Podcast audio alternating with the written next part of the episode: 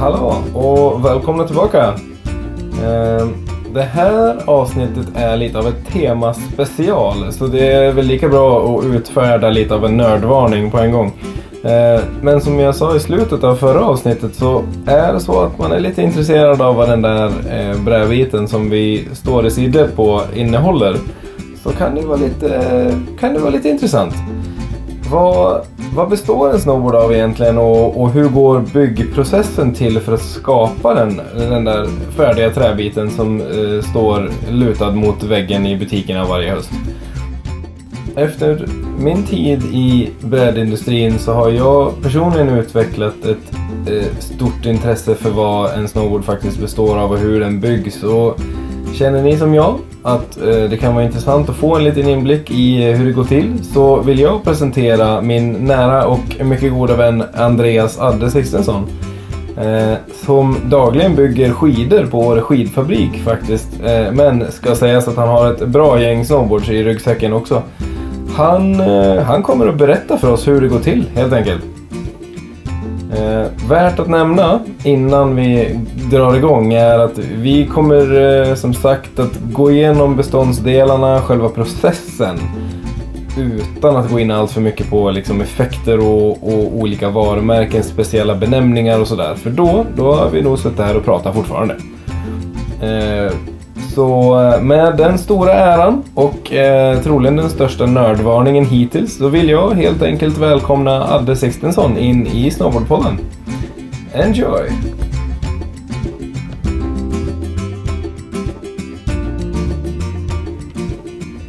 Goes in order. Awesomeness! Fint. Take two. Ja, eller hur? Okej, ja men andra försöket på det här då. Ehm, vi ska prata om någonting så nötigt som snowboardkonstruktion. Mm. Och värt att tillägga är att eh, i det här avsnittet så kommer vi att prata en hel del material och, och processer. Och vi kommer att göra ett litet tillägg på avsnittets profilbild på Instagram. Och eh, som en liten bildserie. Och i den här bildserien så kommer man kunna följa materialen och processen lite grann. Eh, så att det kan vara ett, eh, tips om man är nyfiken att följa den. Och då ska man leta efter eh, bilden, en bild på Adde där han står och håller i två snowboards kan man säga. Eh, på Åre skidfabrik. Eh, så eh, ja, det är väl det. Så nu är det så här va, att eh, Andreas Sixtensson, Adde Sixtensson, Jajamän. välkommen. Tack så mycket. Eh, vi, vi, har ju, vi har ju pratat om att göra det här ett litet tag. Eh, det här eh, det blir ju det blir lite nördigt. Det blir lite, det blir lite nötigt. Ja, lite utfyllnad. Lite utfyllnad. Ja. Vi eh, kommer köra lite av en, ett temasnack om konstruktion kan man väl säga.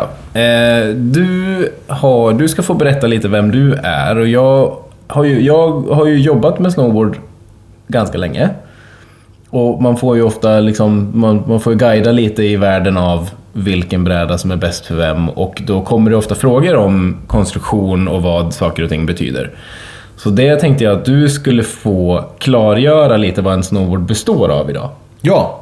Kul! Eh, det är tanken. Jag har eh, byggt lite snowboards i eh, mina dagar. Jag började inom snowboardbranschen.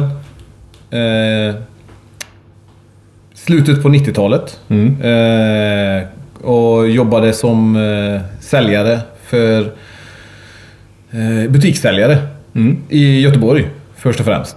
För eh, One-Off och för eh, Pro Stuff. Just det, Prosta för gamla goda. Jajamän. Och sen så gjorde jag lite avstickare och var resande säljare för Grenade som är handskar men då sålde jag Endeavour Academy också. Eh, snowboardmärken. Eh, sen gjorde vi... Eh, sen så hamnade jag på Junkyard en vända och jobbade som säljare för... Jag jobbade på distributionen eh, på baksidan utav Junkyard och så jobbade jag halvtid som säljare för Forum. Mm, just det. Och det är en sväng också. Jajamän. Ja, det är tungt. Det är, det är tungt att ha forumsäljare på resumén på något sätt. Forum när det var 10-årsjubileum tror jag. För det var första året som jag hamnade där när de hade den här Kawasaki-gröna bindningen. Igen. En remake på den. Och då var det uppköpt utav pappa Burton. Och det fanns... Det fanns mycket pengar för utveckling och team och alla sådana där saker. Så Ja. att det var... Forum fick hysteriskt mycket tech från Burton där en sväng. Ja, som man inte riktigt fattade varför. Mm. Nej, Och- Lite... Ja, mm, Men detta var ju då 2007, tror jag. Ja. Eh, sen så slutade jag där och eh, hamnade på Hollywood. Jobbade som... Eh, hade hand om snowboardavdelningen på Hollywood. Eh, hela- alla butikerna, inköp och sådana där grejer. Och så... Sen så var det dags att dra upp rötterna och flytta till Åre. Mm. Eh, jag hade klarat av det mesta som jag, hade, som jag ville göra i stort sett. Tänkte jag inom snowboardbranschen. Och så, grejen med att jobba med snowboard är att man åker ju inte så jävla mycket. Nej. Det är, det är åkningen som blir lidande när man står och pratar om det hela tiden. Och då kände jag att nej, nu drar jag någonstans där man kan åka mest hela tiden. Och så åka, gjorde jag det. Åka board istället för att åka board. precis. Och jag hade ju inte min vildaste fantasi trott att jag någonsin skulle hamna på Extrem. Som det hette förut. Åre skidfabrik. Mm. Eh, där vi, vi tillverkar snowboards också. Trots att det är en skidfabrik. Mm. Eh, så jag, har, jag fick eh, möjlighet att 2009 flyttade jag hit och i slutet på 2009 så började jag jobba lite sakteliga på, på Extrem. Och byggde mestadels skidor. Fast det hände att det blev lite snowboards då och då. Mm. Trevligt. Vi, eh, Ni har ju haft lite ett... Eh, eller du ska man väl säga. Vi, vi sa inte det i inledningen men du jobbar ju på Extrem som byggare och, och, del, och, delvis lite projektare. Och det är, därför vi, det är därför du sitter här och ska dissekera en snowboard. Men du har ju faktiskt haft mer eller mindre ett eget eh, projekt lite på gång. Ja, jag blev... Förutom att ha gjort brädor åt som The Snowboards och lite andra olika små projekt med en 50 brädor här och en 45 brädor där. Och så, här, så satte de mig på att utveckla nya produkter för att eh, ja, kasta sig in i svängen igen. Eh, och jag var med och designade produkten i sin helhet. Och då pratar vi om flex och kärnprofil och jag har ingenting med utseendet, alltså det visuella att göra. Nej, utan nej, pratar, känslan eh, och förstärkningarna ja. och varför den är Funktionen liksom. varför den är, har ett visst flex och eh, hur brett emellan insertserna det ska vara och hur smalt det ska vara. Hur många man ska använda. Vilket, om man ska ha... Vad för typ av förstärkningar man ska ha i den. Uh, Rockerprofiler och sådana där saker. Jag hör redan nu att det här kommer bli ett, eh, ett djupt... eh, Ja, kommer dissekera det här in i minsta detalj i stort sett. Det ska inte det bli bra. allt för tech. Men eh, hyfsat ändå. Ja, och sen ska vi väl också säga att vi, som vi har bestämt nu då. Har, aj, har du telefonen på nu? Ja, men det var... Jag har ju stängt av ljudet till och med. Vi, vi kan vi säga så här, vi, ska ju, vi kommer ju också utgå ganska mycket från hur, eh, hur Extremfabriken jobbar med tanke på att det är, den, det är där det liksom finns störst erfarenhet och det är där vi har liksom koll ingående i, i byggprocessen kan man väl säga. Ja, det är där, därifrån jag har, får min, har min kunskap. Och i, med vissa... Eh, vad ska man säga? Med vissa frånstick till exempel så skiljer sig produktionen. Men den är väldigt, väldigt lik hela världen. Ja. Vart, vart man än gör brädor i stort sett så är den väldigt lik. Eh, Men vi ska prata om uppbyggnaden, hur, hur den kommer till. Och vad den består av. för att man ska få en insyn i att det är inte någonting som görs av en robot eh, överhuvudtaget. Eller att det bara kommer en färdig grunka ur en... Ur en 3D-printer. ja, men Det antingen kanske är dit vi är på väg en- Det vet man inte. Det är mycket möjligt. Ja. Men, eh, så vi ska helt enkelt plocka isär, en, eh, plocka isär en bräda. Vill du börja med att ge oss eh, beståndsdelarna av en snowboard? Ja, eh, jag ska säga också jag kunde ju aldrig i min vildaste fantasi Just det. tro att jag kunde få bygga snowboards. Jag har ju gått full circle. Sant. Från åkare till säljare i butik, till säljare till butik, till att då få bygga helt plötsligt. Du har Göra ju egna varit boards. iväg på, mycket, eller på några andra mm, rätt mäktiga eh, fabriker också. Ja, jag har fått äran att besöka eh, Burtons fabrik i Burlington. Och när de gjorde T6, som den hette, som var väldigt revolutionerande då. Mm, det var Space Age. Och det hade Aluma Flycore i den. Och 265 olika vinklade bitar i träkärnan och det var riktigt high tech och dyr som attan var den. Det är Ja. väl, den Och är väl hade inte föregångaren. den typen en, en här del i typ nosen som var genomskinlig också? Men den var i tailen. Var det tailen det var? Men den var... Den var inte... Det var bara visuellt. Den hade ingen funktion. Nej, Nej men jag tänkte Utan- det var bara för att det skulle se supertrippigt ut. Ja, ja visst. Ja. Det, var, det var bara för att det skulle se att det var aluminium i. Och den här aluminium hade ingen funktion överhuvudtaget. Den påverkar inte alls. Utan All det right. var bara en liten cirkel som de la dit. Ja, du ser. Ja. Eh, Aerospace technology. Jajamän. och det, det var väldigt trevligt. Väldigt roligt att få se hur de, hur de går tillväga och hur det görs. Och Mm. vilken, vilken process det är för att få fram en ny en, otro, en, en ny innovation och nytänkande produkt. Mm. Nu har de ju Craig's Place, det fanns inte när jag var där. Där de utvecklar nya produkter då. För, som man ska ta T6 så är det väl motsvarande vad Mystery är nu. Att det är ingen som riktigt vet vad det är. Precis. Och de talar inte om det eller? Nej. Och, I alla fall så. Men om vi ska gå till brädorna i, i stort sett som hur de ser ut. Om vi ska börja med hur de ser ut så innehåller de ju i stort sett plast, metall, trä och lim. Ja. Glasfiber. I det stora hela. Det är det som finns i en, i en snowboard. Och till 90% så är det träkärnor i brädorna.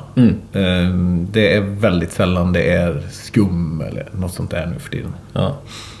Och det hör till att säga också att alla snowboards, förutom ja, men, några procent, görs för hand.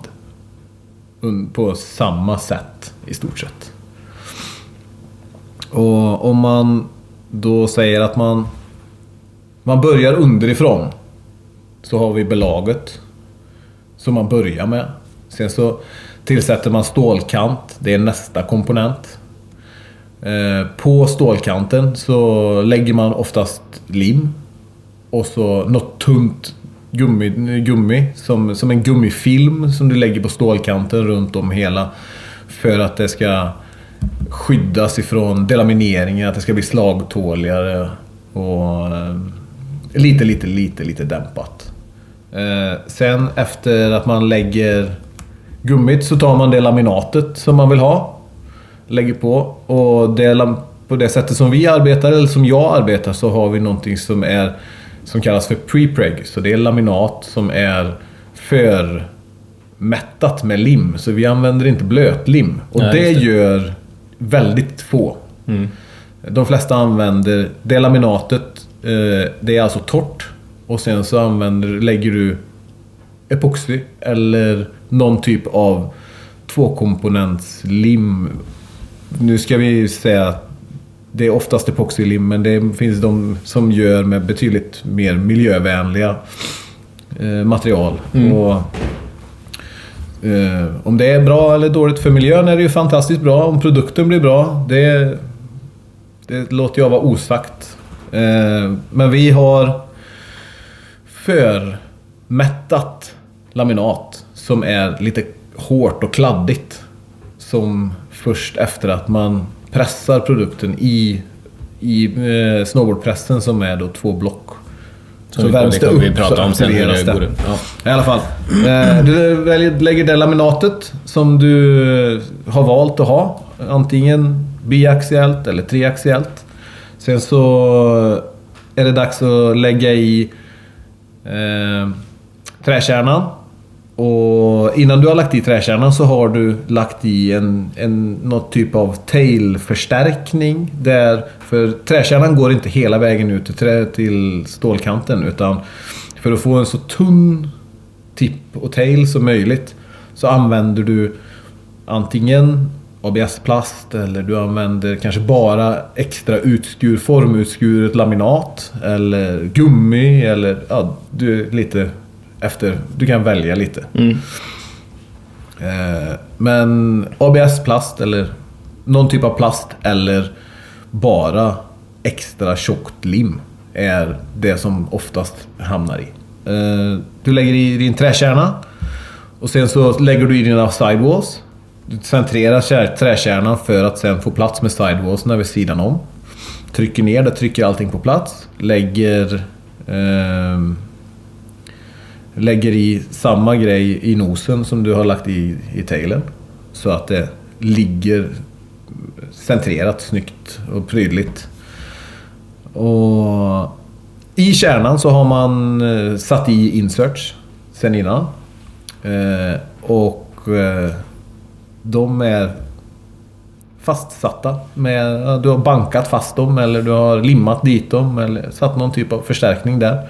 Oftast är det genom en Eh, genom ett hårdare träslag för att de ska sitta så hårt som möjligt. Och eh, Sen lägger du på det laminatet du vill ha på ovansidan för att få förstärkningen både över och under. Och det är Det kan du också välja vilket typ. Det är du, den modellen som du ska göra så har du det laminatet. Lägger det på toppen på ovansidan av träkärnan och sen så lägger du på toppsheetet. Centrerar det, om det nu ska vara centrerat som det är någon text eller någonting. Så här. Lägger det där. Och man kan säga att eh, toppsheetet är oftast en, en lång rektangel. Mm. Som du täcker den utformade snowboarden med. Och Sen så lägger man på ett lock. På formen. In i ugnen. I ugnen. Inom situationstecken. Eh, kör ihop pressen och så bakas den i ja, men 10 till 20 minuter. I, en, eh, I våra pressar så kör vi upp den till 120 grader för att eh, aktivera limmet så att det smälter och härdar. Mm. Och det tar ungefär ja, men 25 till 35 minuter Mm. innan det är klart. Så plockar man ut det och så har man snowboarden där. Ja. Sen är det shaping game. Ja, precis. Ja men snyggt, då har vi liksom beståndsdelarna och lite så här snabbt om hur processen går till. Eh, ska vi ta steg för steg från liksom om man ska gå... Då har vi liksom summerat en snowboard kan man säga. Ja, precis. En ganska enkel. En ganska enkel konstruktion på en snowboard. Ska vi gå in på steg två att vi kör, en, eh, vi kör processen liksom? Alltså lite ingående. Från idé till färdig board. Ja, visst. Vart, vart börjar man? Om du skulle du... Om du... Om vi, jag, kommer till, eh, jag kommer till Extrem som kund liksom och jag vill göra en... Eh, jag vill tillverka en snowboard. Ja, Vart börjar vi då? då eh, säger vi, har du pengar? Ja, precis. Det är nummer ett. om, jag, om vi säger så här, om jag kommer som företag till kund med en önskan om att, till, att att bygga en modell. Nej, men framförallt så är det så här, du måste ju ha en... Du måste ju ha en vision av vad du vill ha för någonting. Eh, det, det, du måste ju säga att "Nej, men jag vill ha en direktionell All Mountain-bräda. Den ska se ut så här. Och så plockar du fram antingen en skiss i datorn eller kanske en utklippt pappbit eller någonting sånt där. Eh, och så bara, ah, men, och så ska du ha alla dina mått färdiga. För att kunna, man ska kunna få fram det här då. Och, eh, då är väl den första processen att det ska ritas en... Det ska ritas upp en, eh, en, en CAD-fil där shapen, outlinen på brädan är. Eh, och så ska man komma fram till att ah, men det här blir nog bra. Och då har du redan bestämt att den ska vara 29,7 i nosen och den ska vara 29,6 i tailen. Det är jobbigt men ja, fan skit i det. det en millimeter hit eller dit. Ja. Och så ska den vara 25,3 i midja. För jag har 43 eller alla som ska åka på den här de ska ha 43. Mm. Eh, och så ska du veta lite hur du kanske vill att du ska ha för höjd och längd på nosen. Alltså radien på nos och tail. Om du ska ha en lång, lång bärande nos. Och kanske en kort knixig tail som går upp väldigt fort. Men åkytan går väldigt nära själva böjen. Själva radien. Det väljer du själv. Ska du ha... Ska den se twin ut, då kan du ju bara köra två likadana. Mm. Eh, när du har kommit så långt så att du har kommit till att vi har ritat upp det här. Då är det dags att bestämma, eller kanske har bestämt redan, vad man vill ha för typ av kärnprofil. Vad man vill ha för eh, typ av eh, material. Och kärnprofil, bara för att... Alltså, för vi pratade om det innan. Då pratar vi liksom, då pratar vi ju då om man ser den från sidan. Fräsningen liksom. Tjockleken, Tjockleken, på, ja. från, från sidan sett. Tjockleken ifrån tipparna över vad fötterna och insertsen är. Mitten, fötterna, inserts och så mot tail. Mm. Eh, hur det är den själva kärnprofilen och den påverkar ganska mycket hur, hur känslan på brädan blir senare.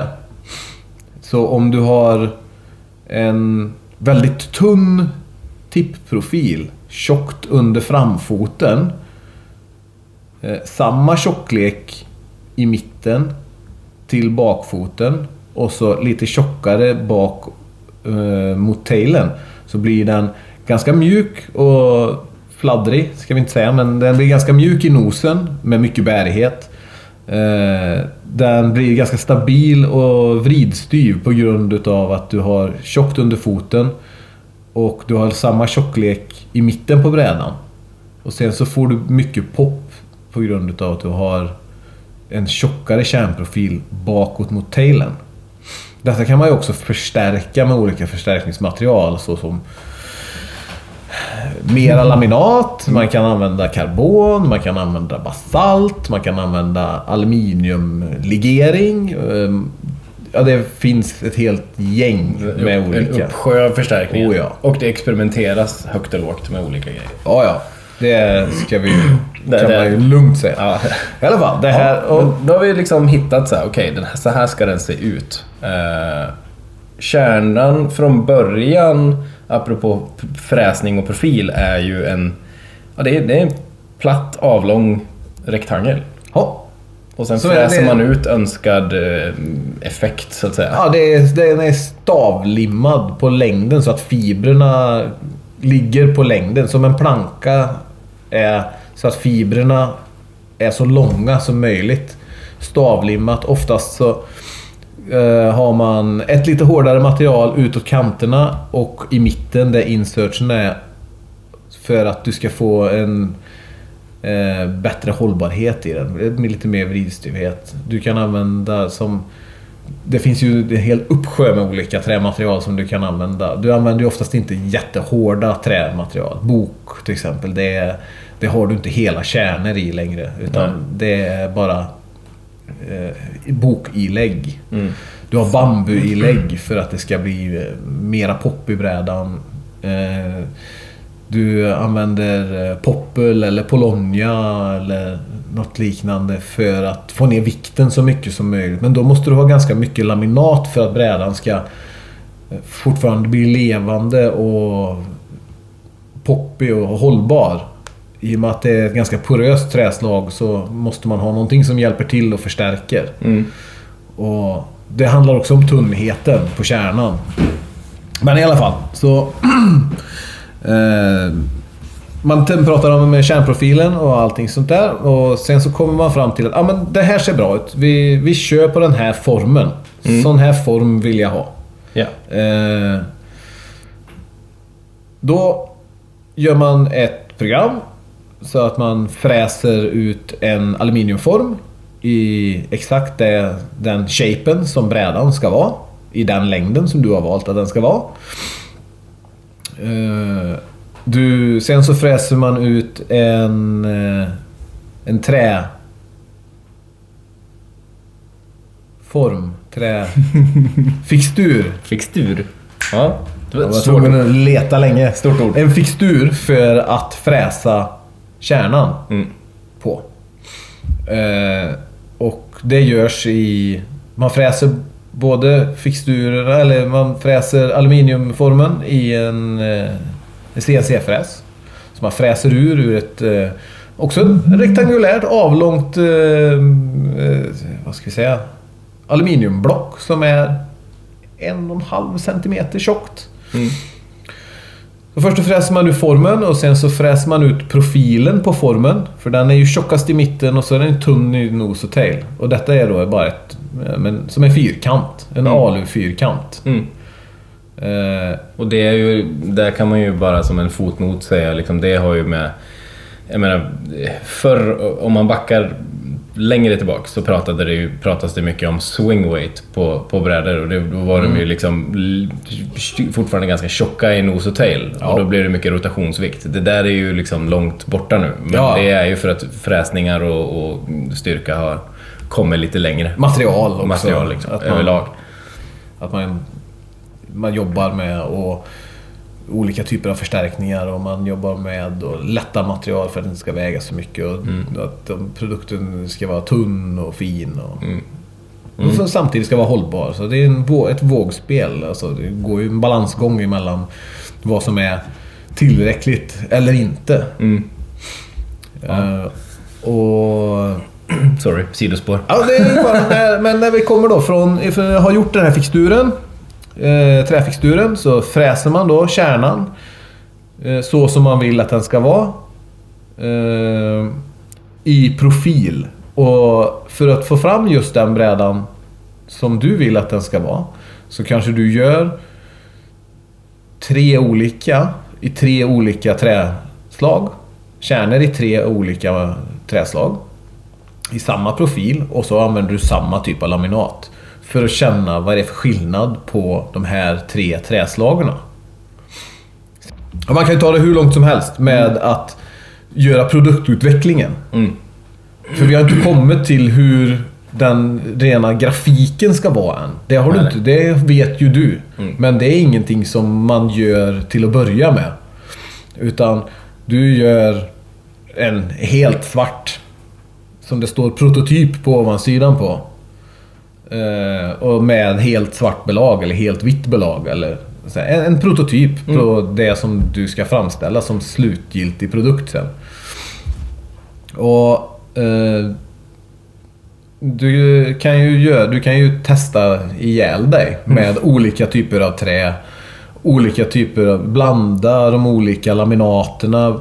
Lägga i förstärkningar i nos och tail som kryss eller som, som V i nosen som går till framinserterna och kryss över bakfoten som täcker mitt över, mitt över foten för att den ska vara så vridstyv som möjligt.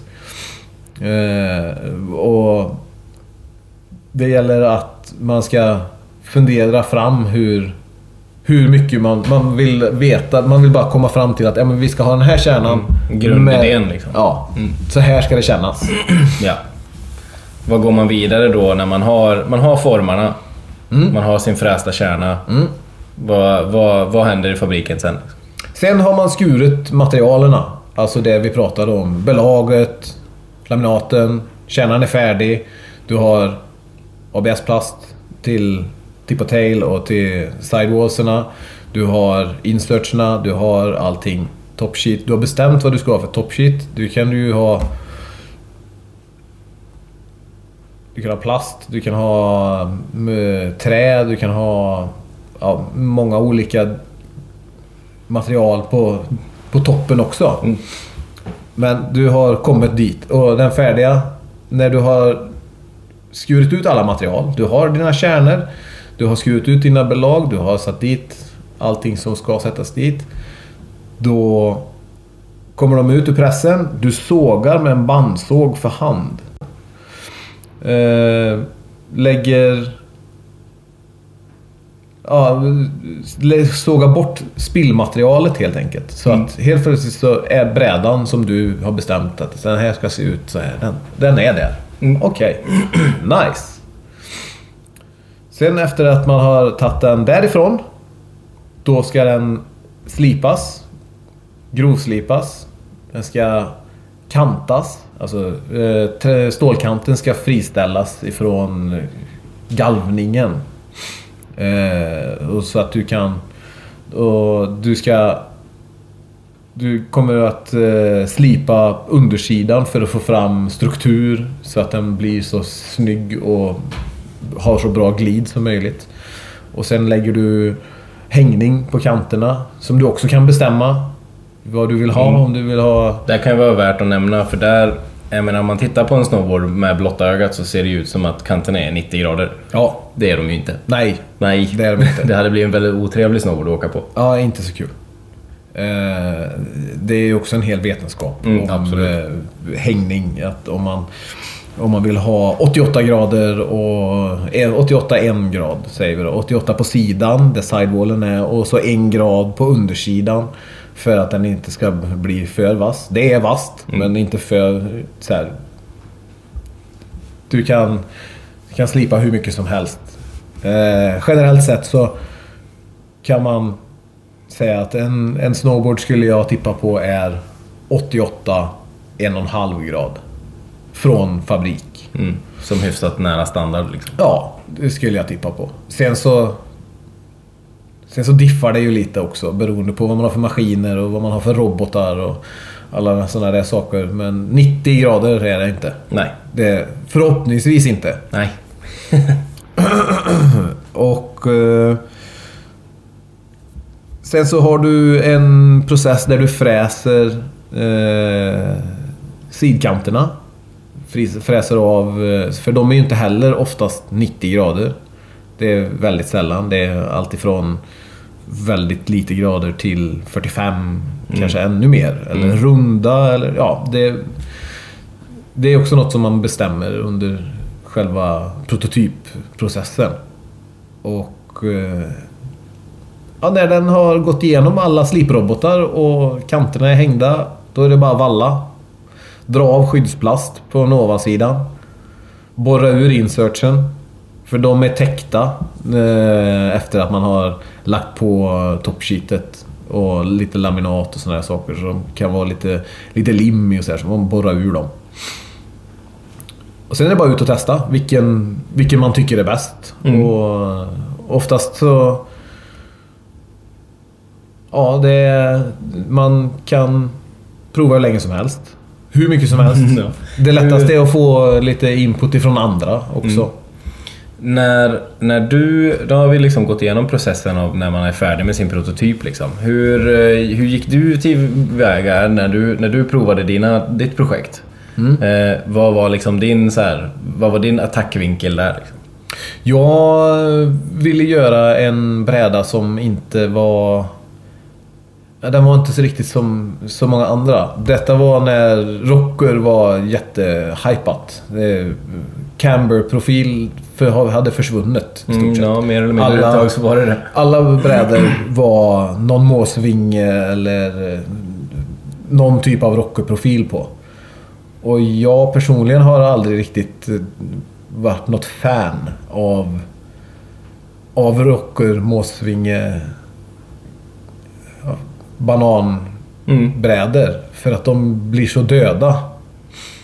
i själva poppen. Nu har vi ju kommit så långt i utvecklingen så att nu finns det ju rockerbrädor som har eh, hybrid eh, hybridrocker som gör att du har fortfarande pop i dem men du har det är lite beroende på vart du placerar Mm. rockerprofilen så här. Och jag ville ha en bräda som var helt platt. För det fanns det några stycken. Mm. Och- K2 var ju ganska, körde ju en del ganska... mm, liksom Capita hade Ja. också och Nitro hade någon och sådär. Och jag tyckte att ja, men fan, det var ganska nice. Mm. Och jag ville uppnå en känsla där du hade bra pop i brädan men den var väldigt medgörlig i vridstyvheten. Och jag jobbade mycket med kärnprofilen. Att man hade en kärnprofil som var tjock under foten och tjock utåt tip och tail. Medan den var urfräst, förtunnad. Tunnare i mitten än vad den var under foten. Mm. För att skapa den liksom lite medgörliga vridstyvheten. Precis. Men, och det var lite lurigt att få till vilken, hur man skulle få pop i en bräda som var sån här. Och det gjorde att jag hade förstärkningsmaterial ifrån ifrån där insertion slutade och ut mot tip och tail hade jag förstärkning. Och sen så hade jag en en liten, liten, liten rockerprofil som började på insidan av foten. Så när du stod på brädan så var den platt. Mm. Och när du böjde dig framåt eller bakåt så böjde sig profilen, rockerprofilen följde med. Men den var platt när du stod på den. Och det var ingen rocker under mellan fötterna. Eh, och jag kastade ut den och jag hade framförallt så gjorde jag i olika tjocklek på kärnan. För det påverkar väldigt, väldigt mycket. Att du har, eh, säg att den är 7,6 millimeter i mitten. Mm. Och om du drar ner den till 7,3 millimeter i mitten så är det som natt och dag. Så jag gjorde tre olika tjocklekar på kärnorna och det var samma kärna och eh, samma förstärkning i dem och samma rockerprofil. Om man vill kalla det rocker, men det måste jag väl göra. Även om det var en flat. så ja. Men nu kallas det nästan, det där begreppet om man ska ha sidospår, det där begreppet har nästan typ alltså gått över som en, en ren benämning på typ, även om det är en typ en camber så pratar man om typ rockerprofilen, pratar man om den typen av shape-profil nästan. Oavsett vad det är för profil. Mer eller mindre. Även om en rocker alltid är en, ett omvänt spann liksom. Ja, mm.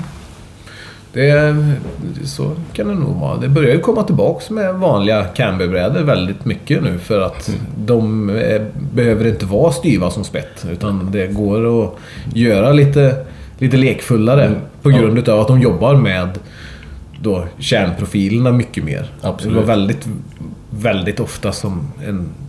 Det var, näst, det var väldigt få som påpekade att vi gör så här med våra kärna. Mm. Nej, det där har ju ändrats väldigt mycket. Menar, eh, när vi började åka snowboard så var ju de allra flesta brädor väldigt hårda. Oh ja! Oh ja, det, ja så, det, så var det.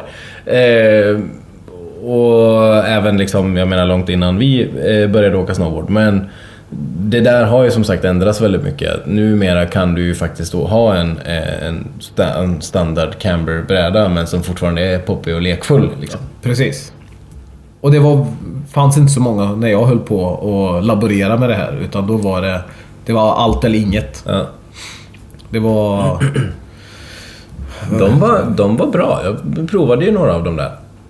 De Ja, det väldigt trevliga. var, det, var, det var kul. Det, av eh, vissa anledningar så blev det ingenting. Det, Joel har en eh, sån här eh, prototypbräda på Snowboardpodden-bilden. Mm. Eh, Det har jag faktiskt. Det kan ju vara värt att nämna. Ja, ja visst. Den helsvarta som texten står under. Jajamän. Mm. Det är en, en prototyp som jag har gjort. Mm. Eh, jag plockar alltid ut den och åker på den någon gång ibland. Mm. Och det är roligt. Mm. Ja. Ja, men du, jag menar en, en sak som, eh, som vi har pratat om en del eh, på fabriken och bara i privat eh, struntprat. Formar och liksom hur man, eh, hur man överhuvudtaget skaffar sig verktygen till att eh, konstruera en snowboard på en fabrik. Just prototyp liksom utvecklandet och, och den biten. Vill du, har du någon form av så här kostnadsbild på typ att ta fram en form för en bräda? Nej, det är jättedyrt. Mm. Jättedyrt. Ja, det räcker så. Ja. Det är så här, det. Jag får jätte, ofta förfrågningar och så här. Ja, men det är väl bara att göra en snowboard?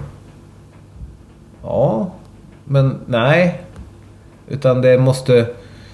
Det är folk som ska stoppa upp sina arbeten som de håller på med för att göra den här Först och främst form, först och främst då ritningen och sen ska det göras formen och sen så ska det göras Det ska finnas tid i tillverkningsprocessen. Alltså att man stoppar upp då Ja, den ordinära i, i verksamheten. säga. planeringen.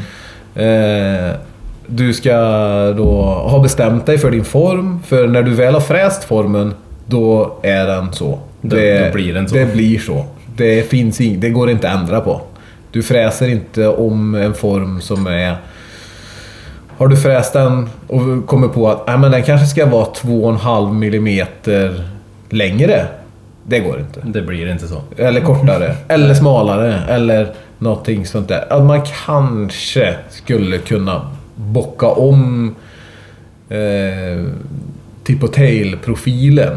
Radien. Mm. Det är... Visst.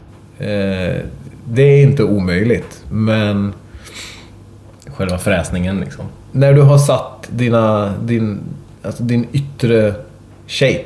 Mm.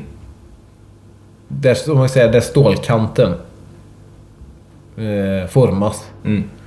Själva formen på brädan. Då är det så. Lagt kort ligga. Japp. Och då är den 7,7 meters svängradie för att du sa det från början. Ja. Det går inte att ändra på. Du kan inte ha 7,6. Då är det en ny form som gäller. Ja.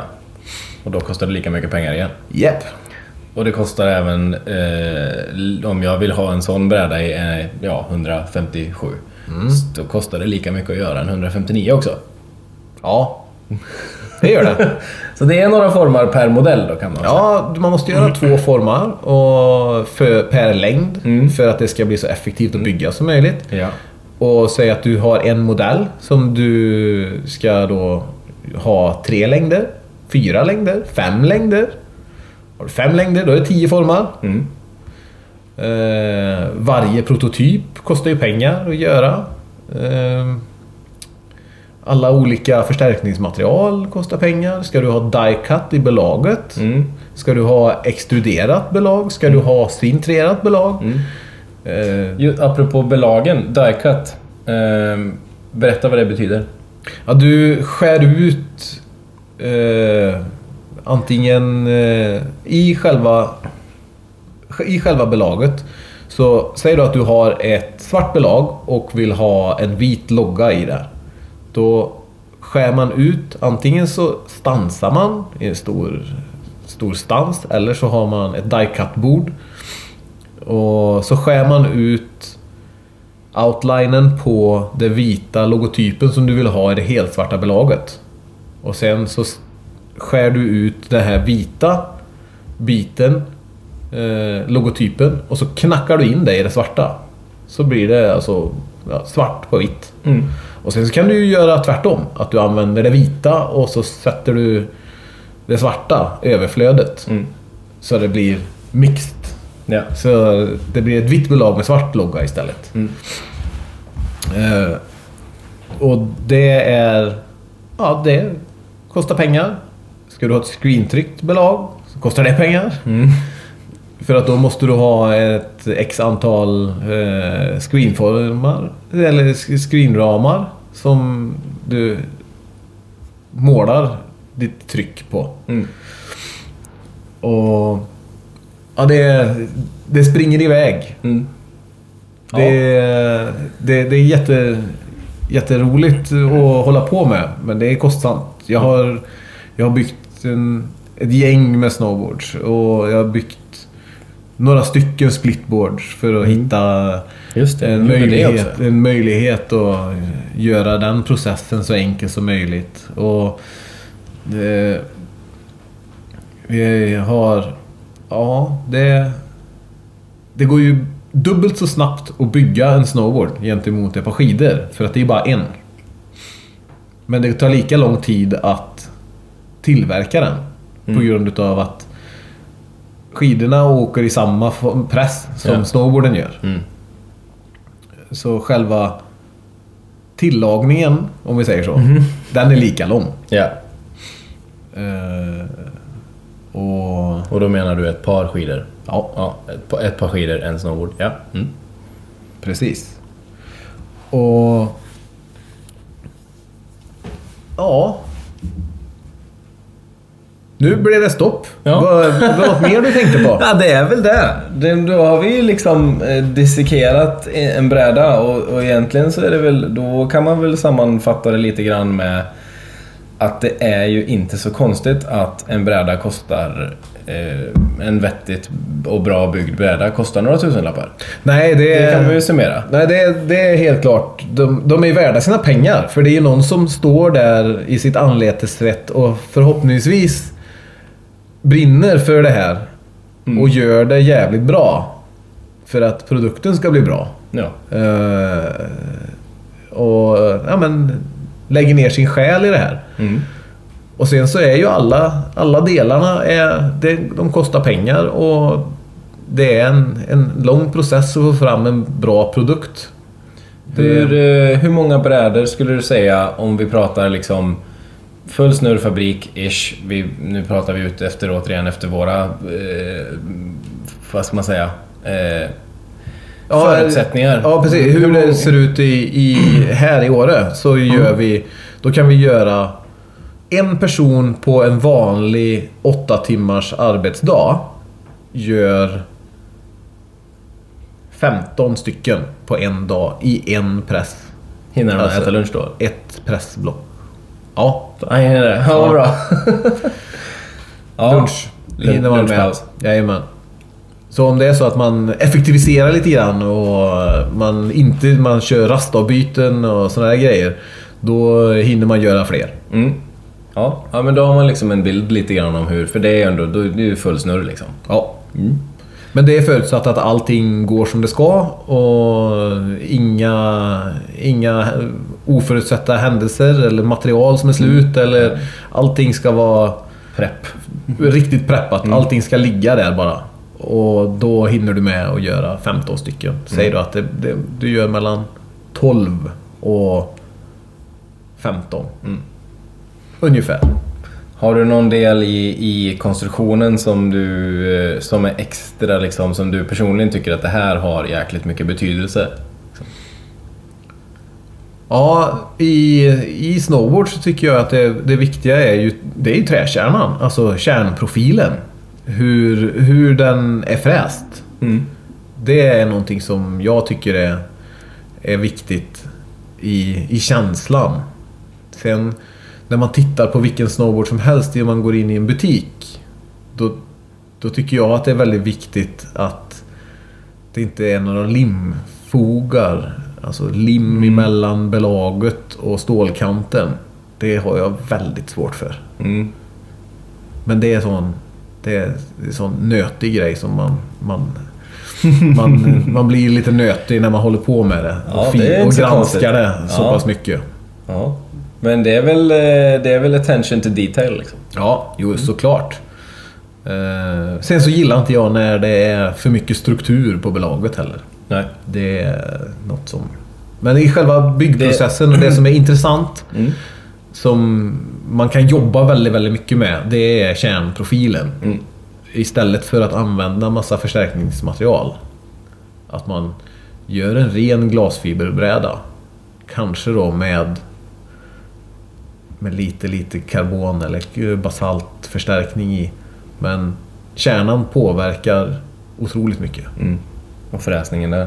Du nämnde struktur i belaget. Eh, Eh, det är ju någonting som vi inte har pratat om. Du kan, ju, kan inte du droppa lite om jag menar, vad, det, vad det innebär och vad skillnaden är om man inte är bekant med det? Liksom.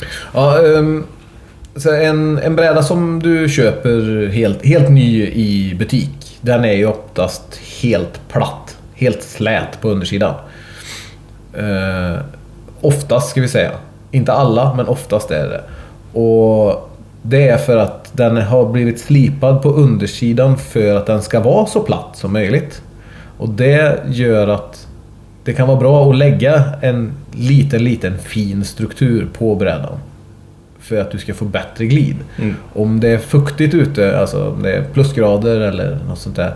Då, då, sugs, då sugs brädan fast på grund utav att den är helt... Det blir som ett vakuum under. Och lägger du... Ju grövre och djupare struktur du har, desto mer... Man kan uppleva att en bräda visslar. Mm. Eh, att den säger... Eller den, den låter lite såhär... Mm, den när lite, Man, liksom. När man, när man tvärställer, när man bromsar. Och det är på grund av, utav strukturen. Och det blir det när du har lämnat in den på en planslipning. Och för från början så är den oftast inte någon struktur på. Nej. Och Medan man också egentligen om man ska kolla på, jag menar till våråkning när det är väldigt blött och fuktigt i snön som sagt. Så blir det nästan lite, då, då blir det liksom lite, se, alltså då blir det steg utan struktur. Ja, den, alltså det suger fast. Ja, det, det fastnar liksom. Du fastnar och du får in, ingen glid Nej. överhuvudtaget. Eh, Visst, om du kör över vatten, då det spelar det ingen roll. Nej. Men om du åker på snö, det är ju... Strukturen pressar bort, precis som ett par, ett par, ett par däck. Mönstret i ett par däck, att den Mm. pressar bort vätskan. Som gör att friktionen blir mindre. Ja. Och det är det som gör att du glider bättre. Mm. Helt enkelt. Japp. Ja. Ja jäklar. Har, vi, eh, har vi någon del eh, Har vi någon del vi har missat?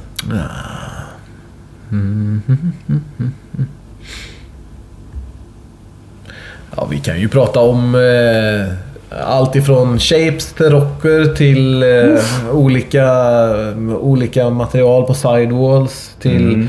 eh, olika förstärkningsmaterial, vad man använder dem. Men det blir väldigt svårt att förklara vart man ska använda till exempel då Ja, och framförallt så vill vi väl egentligen, eh, jag menar om man vill hålla det till en ren konstruktionsprocess och kanske inte gå in eh, specifika varumärken och, och hela den biten.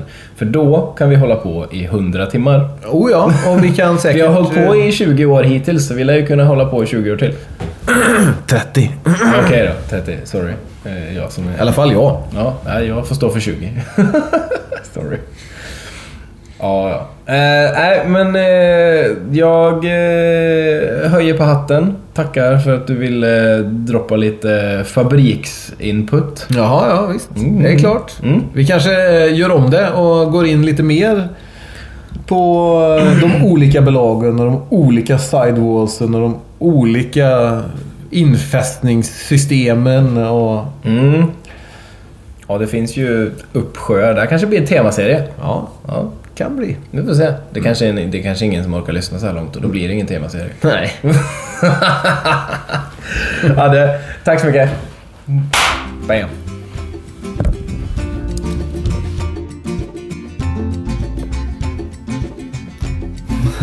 Ja, ja. Har ni eh, tagit så här långt, då, då är ni ungefär lika nördiga som vi är och det är ju fantastiskt. Hoppas att vi kunde ge er en hyfsat tydlig och relativt enkel bild av hur en snowboard byggs. Och eh, det är ju så här att det finns ett par olika teman planerade och precis som Adde sa där i slutet så är det så att ni eh, skulle vilja veta mer om dels det här, kanske mer ingående om någonting. Eh, är det så att ni har något annat ni är nyfikna på? Droppa ett meddelande på poddens sociala medier. Ni vet vart ni hittar den. Facebook, Acast, Instagram såklart. Eh, så, eh, så får vi se vad som händer. Tack för oss den här gången. Vi eh, hör av oss snart igen. Och då, då är det dags för en av svensk snowboards sanna kulturkaraktärer om jag får eh, be att presentera honom på det sättet. Den resan vill ni hänga med på, det törs jag lova.